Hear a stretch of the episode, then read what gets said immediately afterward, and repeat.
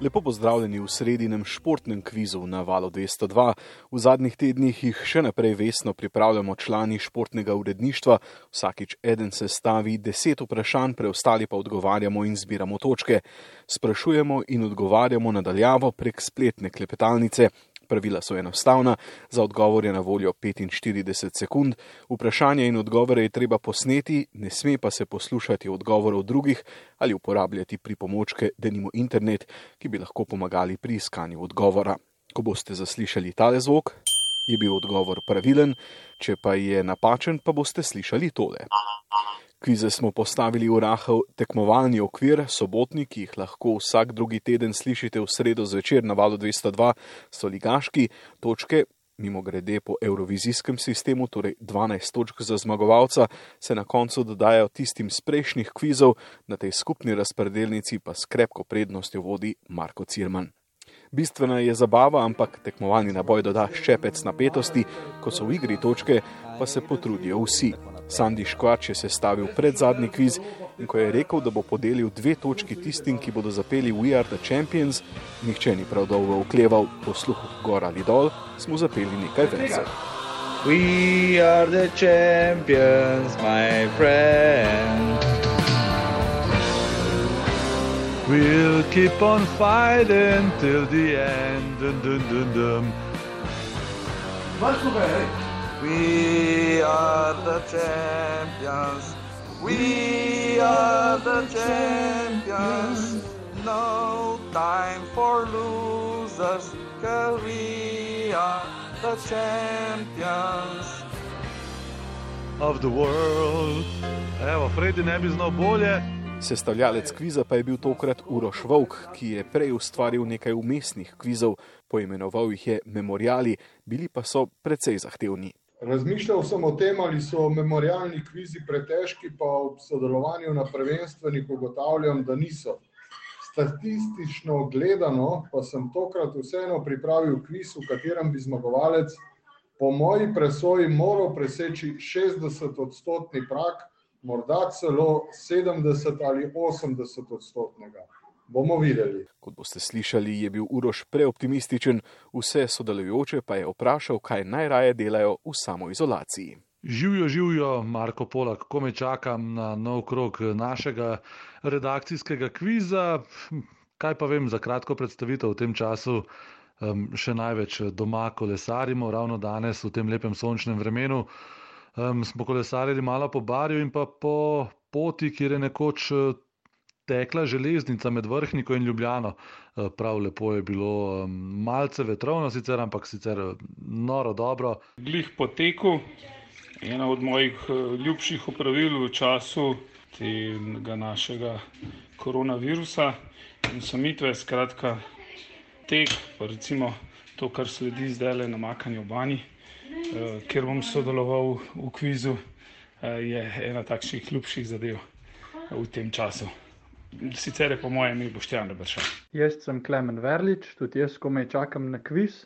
Sicer pa v samoizolaciji največ časa porabim za iskanje motivacije za delo za faks in pa ob poslušanju podcasta Vrnitev v prihodnost. Priporočam. Sem Luka Petrič in uh, se veselim tudi današnjega kviza in jih v času samoizolacije zelo rad igram, um, sicer pa rad zdaj hodim na daljše sprehode kot sicer in uh, igram na netu Tarok. Evo, tudi jaz se prijavljam, uh, tudi jaz, um, tako kot uh, šef poteku, ampak to ne pomeni, da imam uh, kakršne koli šefovske ambicije.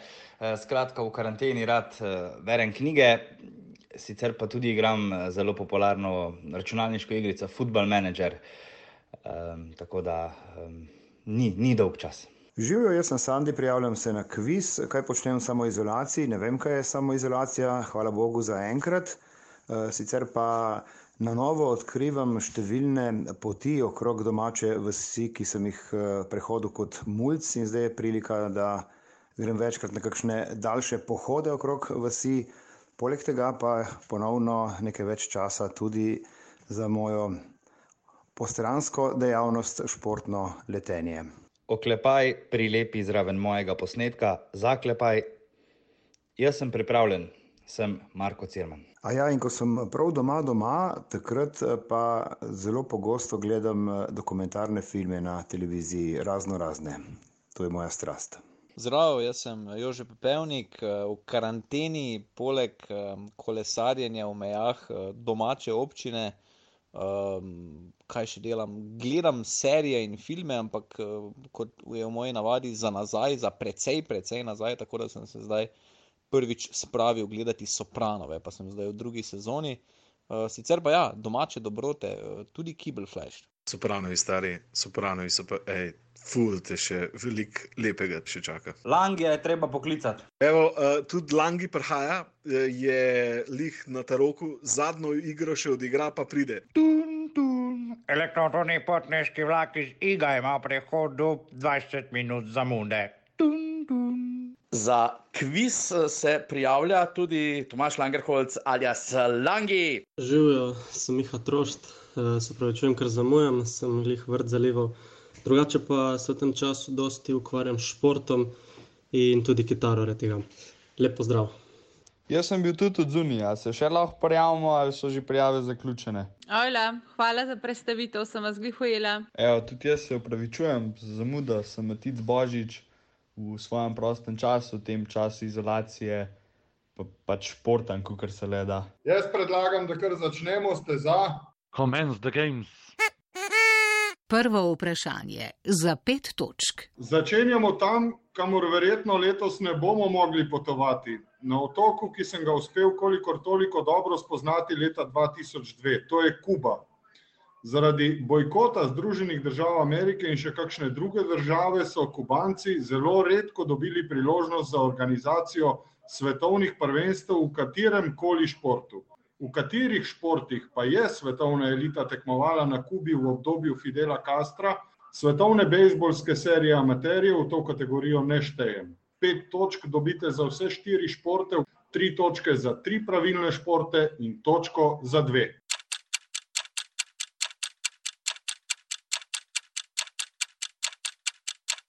Uh, vedel sem, lupa, da kot boš ti, organizator, prireditelj kviza, da bo tole sila težko. Zahtevno vprašanje. Na pamet mi pade uh, mogoče odbojka. Jaz bi rekel odbojka.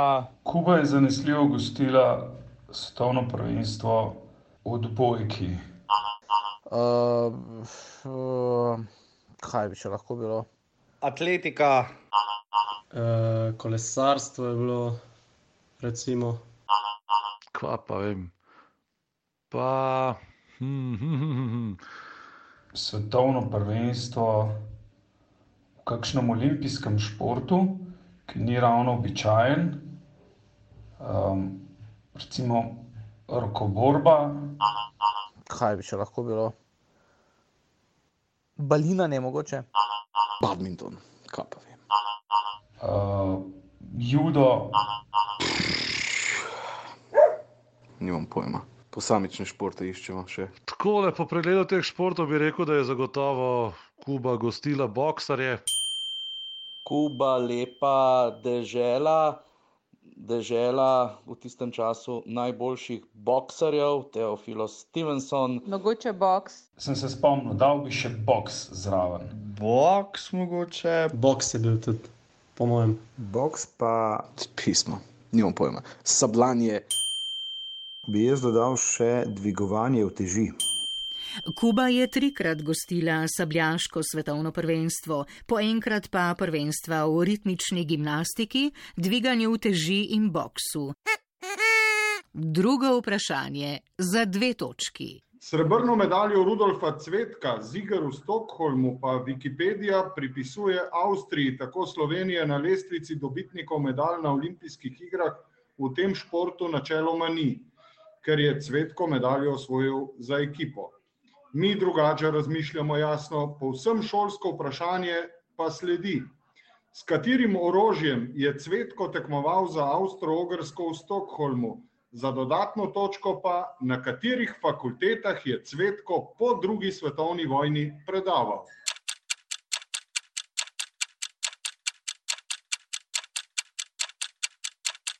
U, Marija, volk, pa začel.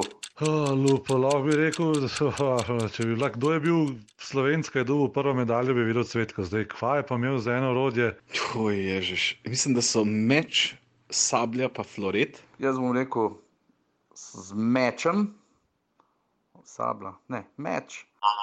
Uh, recimo, da s floretom. Floret. A pa bom rekel, ma ne, ok, floret bom rekel. Ne, bom rekel sablja, sablja, sablja bom rekel. Sabljo. Torej, sabljo. Ker drugega, kot to, da je bil sabljač o sabljanju, ne vem, ne vem sploh kakšno orožje, drugo je, kot kar pač sablja. Bom rekel, kar sablja. Jaz bi rekel sablja, pa ne vem, filozofska. Predaval je pa na arhitekturi. Zdaj, glede na to, da je v Avstriji, predvidevam, da je na kakšni vojaški fakulteti eh, predaval in to pač na Dunaju. Recimo na, na Difu, nekdanjem. Bom pa rekel, da je verjetno predaval na DIF-u, se pravi fakulteti za šport. Fakulteta za fizkulturo oziroma za šport, DIF. Pa mislim, da sem nekje zasledil, da je poučeval na predhodnici današnje fakultete za šport v Ljubljani. Pa mogoče gradbeni. Pa res mogoče tudi na kakšni AGRFT. In se mi to zdi zelo logično, zaradi tega, ker je sabljanje tudi učijo na AGRFT-ju. Pa bom rekel AGRFT. Tako da AGRFT pa DIF. Rudolf Cvetko je tekmoval s sabljo. Stankom Blotkom je po drugi svetovni vojni skrbel tudi za razvoj slovenskega športa, takrat je sabljanje predaval na dveh fakultetah, na AGRFT-ju in na fakulteti za šport. Tretje vprašanje za tri točke. Pri enem redkih izpeljanih svetovnih prvenstev v letošnjem letu. V Anterselvi so se za naslove pomerili najboljši biatlonci in biatlonke. Tri naslove je osvojil Norvežan Johannes B., dva francos Martin Furcato, oba je zasenčila Marte Olsbu, Norvežanka, ki je pospravila kar pet zlatih medalj. Slovenije med dobitnicami medalj ni bilo. Je pa 15. najuspešnejša država, upoštevajoč tudi že neobstoječe državne tvorbe. Koliko medalj svetovnih prvenstev ima slovenski biatlon za eno točko in priimke vseh dobitnikov za dodatni dve?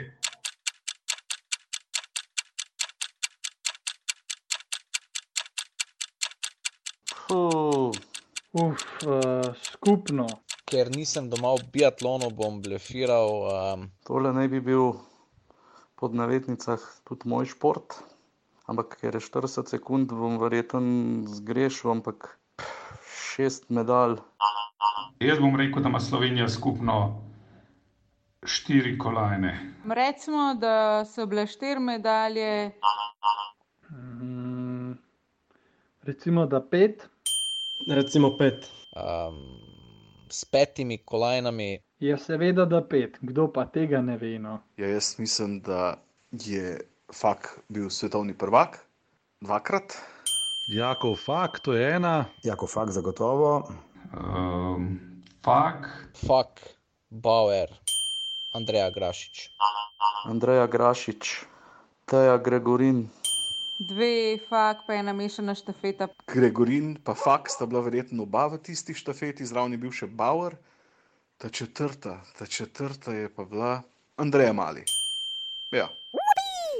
Slovenija ima svetovnih prvenstev v biatlonu pet medalj. Vse je usvojila v zadnjem desetletju in pol, prvo v Južni Koreji leta 2009, Teja Gregorin, ki je usvojila srebro na 15 km.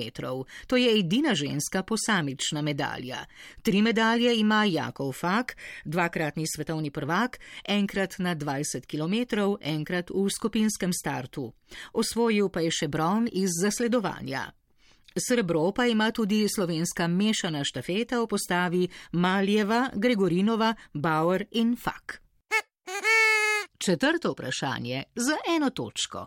Eno najkrajših vprašanj gremo stran od zime, ker to ni čas za zimo, ampak za piknike in uh, kratke rokave. 1. maj je sploh poseben dan. Dvojno vesel pa je za dva slovenska vrhunska nogometaša. Oba praznujeta rojstni dan prav 1. maja.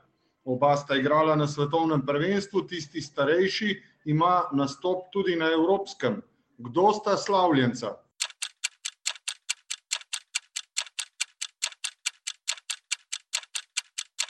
Mama mija. Ne vem. Danes se pa zna zgoditi, da bom imel nič točk. Uf, dogodki na današnji dan. Nimam pojma, nimam pojma, torej iščemo enega iz ene, pa enega iz druge generacije. Strelil bom kar mal poprek. To pojma nimam, ne vem, ugibam. Blefiram Aleš Čeh. Pavlin. Miren Pavlin in uh, Samir Handanovič. Handanovič.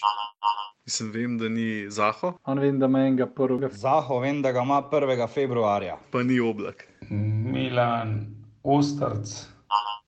Novakovič. In pa Milivoje Novakovič. Walter Birsa pa Sandy Knaus. Darko Milanič, ne vem. Pa Jokič, ne vem. Če se ne motim, če se ne motim. Uh, svetovno prvenstvo 2010, recimo. Mišo Brečko. Mišo Brečko. A mislim, da je nekje mi ostalo v spominu, da je Milo, eh, ta, ne Miloš, kaj je že, Danilo Popivoda. Naprej se me drži sreča, Mišo. Sem Klemen Verlič in v samoizolaciji ne preverjam rojstnih datumov znanih slovenskih nogometašev. Obljubim, da bo v nadaljevanju malo lažje. Danilo Popivoda je obranet v oblaku, prvi slovenec, ki je zaigral na svetovnem prvenstvu. Za Jugoslavijo je odigral 20 tekem tudi na Euro leta 76 na domačih tleh, kjer je po fantastični podaji oblaka zadev proti zahodnji Nemčiji. 1. maja bo praznoval 73. rojstni dan. Mišo Brečko pa bo dopolnil 36 let. Zasavčan je bil eden ključnih članov reprezentance, ki je odpotovala na svetovno prvenstvo v Južni Afriki, na koncu svoje karijere pa je bil kapetan dveh velikih nemških klubov, Kölna in Nürnberga. Peto vprašanje. Za dve točki. Barcelonin zaščitni znak je bil nekaj časa napadalni trio Messi, Suarez, Neymar, ki so ga poimenovali s kratico MSN, kar je tudi kratica Microsoftovega news podjetja ali pa dela. Uh, veliko lepša in unikatnejša je okrajšava za napadalski trio, ki so ga po začetkih priimkov imenovali MAGK. Kdo so nogometaši in kateri klub je v igri?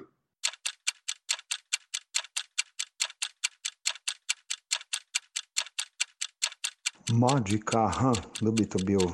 Tole pa tudi slučajno ne vem. Sliši se mi tako malo južnoameriško, kar pomeni, da ni nujno, da je kljub iz Evrope. Pojma nimam, prvič slišim. Um, G, Gino, Ginola, francos. G, G. Pa ma, to bi mogel vedeti. Za kjer klub gre? Tak film, ki gre za Romo. Sem to pa presimpel za Polaka, ne? Res ne vem. Ma je uh, Maradona in da je to povezano z Napolijem. Mislim, da je eden izmed teh Maradona. Uf, to je pa z Napolijem povezano, Maradona in ostale dva. Mame sicer na Maradono vleče, ampak po mojem ni, on nikjer ni bil v nobenem triju. Ja, ja. To pa vemo, Napoli, Maradona, uh, Kareka. Kaj je kareka, to sem mislim, da vem. Maradona, Kareka, G pa je, G pa je, G pa je. Um, Gio, Giord, neki. Giorda, ja, nekaj takega. No. Me veseli, da če je vsaj futbal, je to italijanski futbal in sicer gre za klub Napoli in trojec Maradona, uh, Giordano in Kareka. Trojica Mažika je pustila globok pečat v Neaplju, čeprav je skupaj igrala le eno sezono. Diego Armando Maradona in Bruno Giordano sta klub popeljala do prvega ligaškega naslova, leto pozneje pa se je klubu pridružil brazilec Kareka. V tisti sezoni so skupaj dosegli 35 golov, Maradona je bil s 15 najboljši strelec lige. Napoli pa je kljub seriji 18 zmag na koncu za tri točke zaostal za prvakom Milanom. Giordano je zatem prestopil v Ascoli, Kareka pa je skupaj z Maradono leta 90 osvojil Scudeto. Šesto vprašanje za dve točki. To, da so celjani rekorderji po številu naslovov državnega rokometnega prvaka, je vsem znano, imajo jih 24, če prištejemo še aktualnega. Trikrat so bili prvaki velenčani, po enkrat Cimos in Prule. Kako dolgo v letih pa so celjani najdlje čakali na novo prvenstveno lovoriko za eno točko in koliko pokalov jim v vseh letih samostojnosti ni uspelo osvojiti za drugo?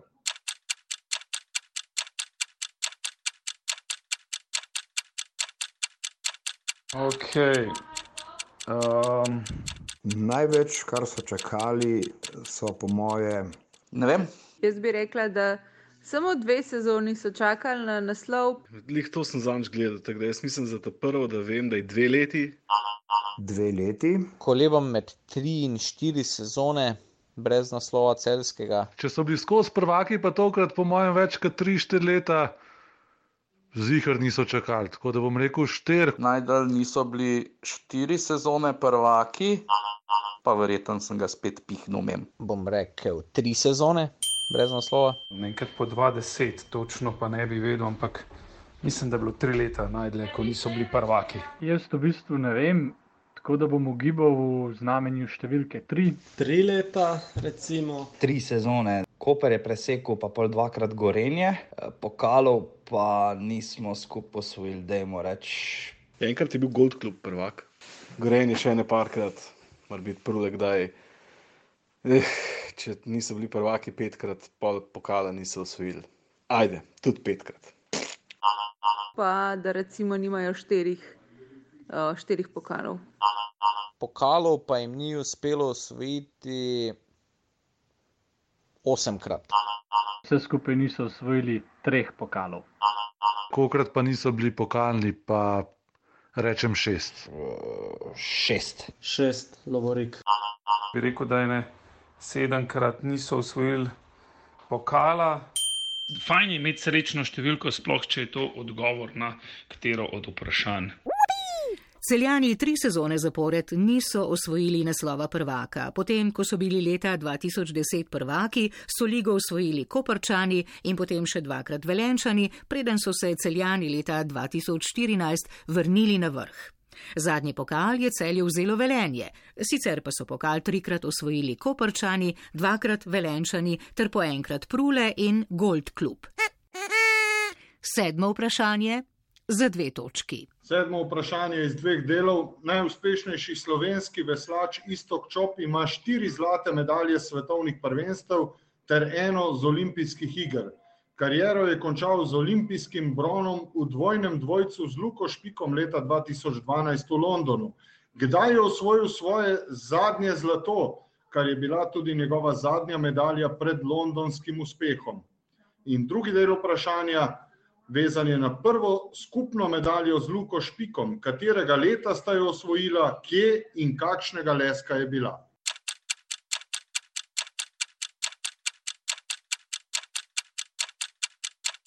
Ja, ne vem. A ni zanimivo, da čisto vsakič začnem, ne vem, pa res ne vem. Zadnjo je pa osvojil zlato medaljo, kaj pa vem. Recimo, da je bila zadnja pred Londonom zlata 2-9. Na vseh prvenstvih, mislim, da sem sedemkrat ni bil medaljeros. Vse ni imel kakšne poškodbe, tako da 12, ja, da je pa bil 12. Ne. 2010 sta mislim, da osvojila. Spominjam imam eno tekmovanje v Münchnu, tam ne vem točno letence. Po mojem je bilo pa to že pred Pekingom. Bom rekel, kaj je že spet srečna številka 7, 2007.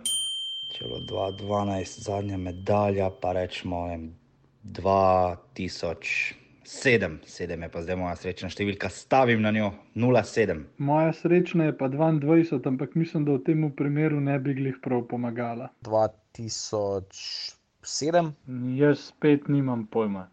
Uh, Ne vem, bom rekel kar od oka, ne vem, dva, 2000, 2007. zadnjo zlato 2007. Totalno ugibanje, totalno ugibanje. Prvo bomo pa rekli Ja, po mojem, prva njuna je bila zlata Sydney 2000 na olimpijskih. Prvič eh, zlata v Sydneyju leta 2000 na olimpijskih igrah.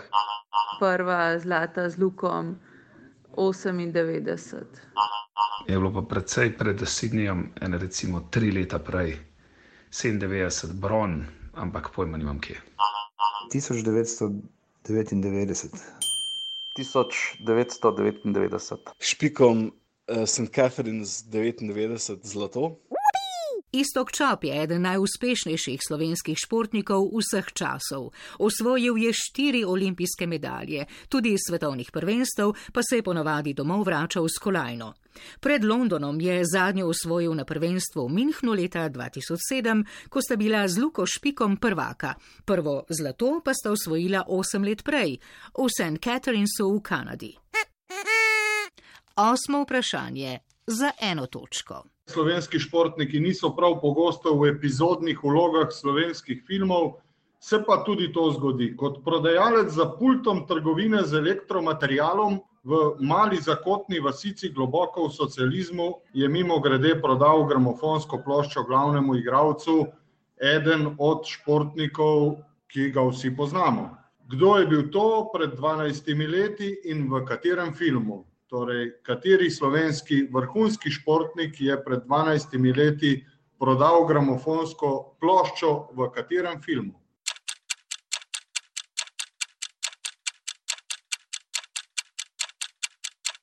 Tudi tle bom odgovoril, ko pri enem vprašanju odprej. Nimam pojma, 2-8 film, slovenski, tudi nimam pojma. Kratko in jedrnato, ne vem. Spomnim se tistega kadra, tako skoraj drvarnica je bila. Bom rekel, kakšnega nogometaša, ne vem, pred 12 leti. Ne vem, Sebastian Cimeroti. Uh, športnik, ki ga vsi poznamo. Samo to vem, da je enkrat v enem slovenskem filmu igral nekdani nogometaš Primorja in domžal Janez Strajnar.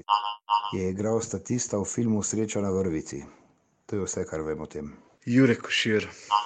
Lupo, taš to si pa povedal že večkrat, eh, tako da vem odgovor vsaj z imenom filma, pa pojma nimam, ker vedno pozabim, ker je prezahteven. Bil je to Rok Flander. To pa je bil Srečko Katanec. Naš nogometni selektor, Srečko Katanec. Mislim, da je bil ono. A, naslov film Džuro igra, no.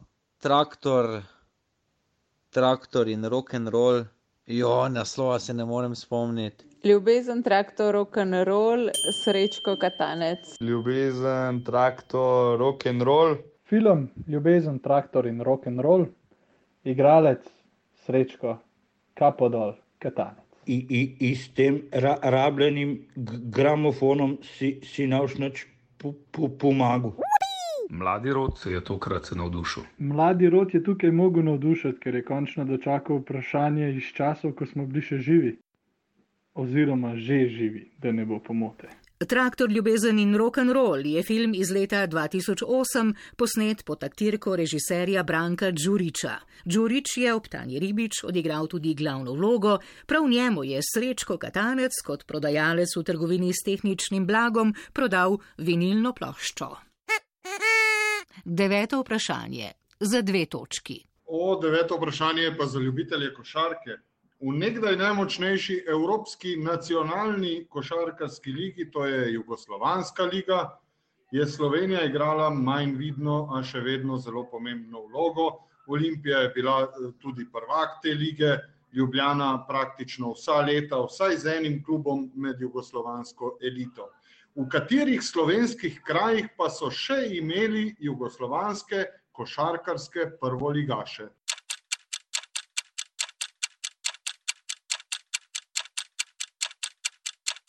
In tukaj pri tem vprašanju bo mladi rod spet, po domači povedan, popušil. Spet eno vprašanje, preden sem jaz sploh obstajal. Torej, v katerih krajih so še imeli prvo ligaše?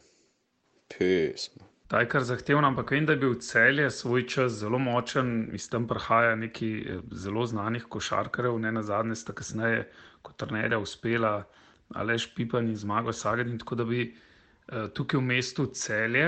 Lahko bi bila celska Libeja. Sežana, zagotovo.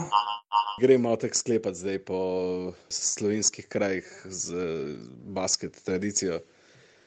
Idrija, Loka, no biti celo Loka. Kakšen kran, Koper, novo mesto.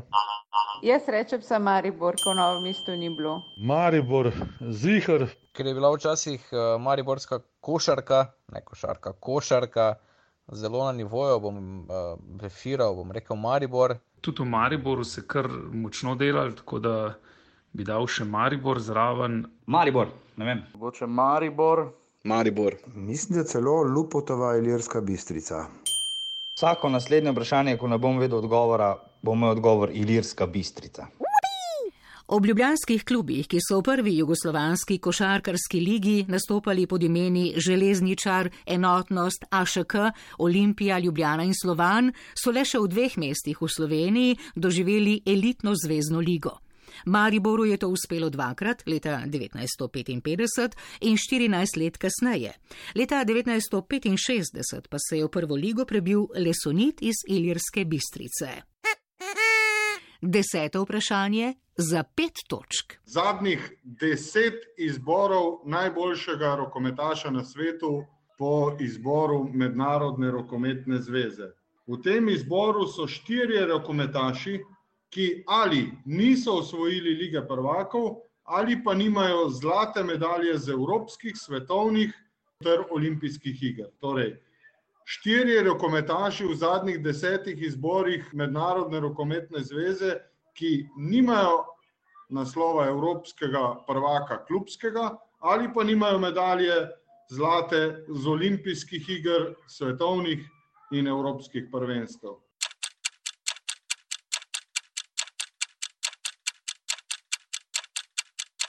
Ta je že spet izjemno težka. V skladu z današnjim kvizom, čisti blef. Puh, ta lepa težka. Jaz bi še težko same države povedal, kaj šele imena in priimke igralcev. Jaz bi rekel, da je verjetno Sagosen. Sagosen. Pa po mojem vratar, ta Golman, kva je že kam mačarski ime Arpad Šterbik. Arpad Šterbik. Kakšen Šterbik še mogoče, njega sem se zdaj spomnil. Kakšen od špancev, Entrerios. Karabatič je bil nekajkrat, ampak ta frajer ima vse osvojeno. Laslo Nač. Ja, ne vem, mislim, da Hrvati je dubu duvnjak, da je zlato, ni ne. Tako da bom rekel domagoj duvnjak. Nisem pa, da bo enkrat domagoj duvnjak. Kakšen Hrvat tudi nima zlata. Tako da je uh, Dunjak. Mogoče Dunjak. Uh, rekel bi domagoj Dunjak mogoče. Zihar je ta Čeh, kva je un obritoglavc, Filip Jiha. Filip Jiha. Nisem prepričan, s češko zihar ni nič dobo s kilom pa vprašanje. Kakšen Poljak bi bil lahko? Kaj če rečem šmal? O, mogoče šmal, ne vem, tam verjetno nekaj iz Polske osvojil. Zadnji je bil Hansen, samo on je osvojil. Rabatič, Hansen, to sta vse osvojila. Ma jaz mislim, da sta odgovor na to vprašanje še Lupo in stric Google iskala vsaj pol ure. Danski superzvezdnik Mikkel Hansen v svoji karieri še ni usvojil lige prvakov, za najboljšega rokometaša mednarodne zveze pa je bil izbran trikrat. Hrvat Domagoj Duvnjak na reprezentančni ravni nikoli ni usvojil zlate medalje, Filip Jiha nima nobene medalje s Češko, Slavomir Šmal pa je bil z odlično polsko generacijo trikrat na stopničkah, a nikoli zlat. Tudi tokratni kviz je postregel zmago Marka Cirmana, ki se je tako z novimi Duzpoa le utrdil v skupnem vodstvu. Za dvojno štajersko zmago pa je poskrbel Jože Pepevnik na drugem mestu. Hvala za vašo pozornost. Če kviza niste ujeli v celoti ali pa bi prisluhnili enemu od prejšnjih dveh, jih najdete na spletni strani Vala 202, pa tudi med našimi podcasti v rubriki Kvizi. V teh dneh pa lahko prisluhnete tudi novi seriji oddaj Vrnitev v prihodnost, v katerih smo se posvetili stotim zgodbam, ki so zaznamovale slovenski šport. Med najbolj svežimi je zgodba z otvoritve Sarajevskih olimpijskih iger, kjer so imeli Slovenci pomembno vlogo, prisluhnite pa lahko tudi zgodbi celskega pohoda k naslovu Evropskega prvaka. Na poti do naslova so senzacionalno dobili otvoritveno tekmo dvorane Zlatorog, ko so napredovali kljub zaostanku s 13 goli razlike z prve tekme proti Ademarju.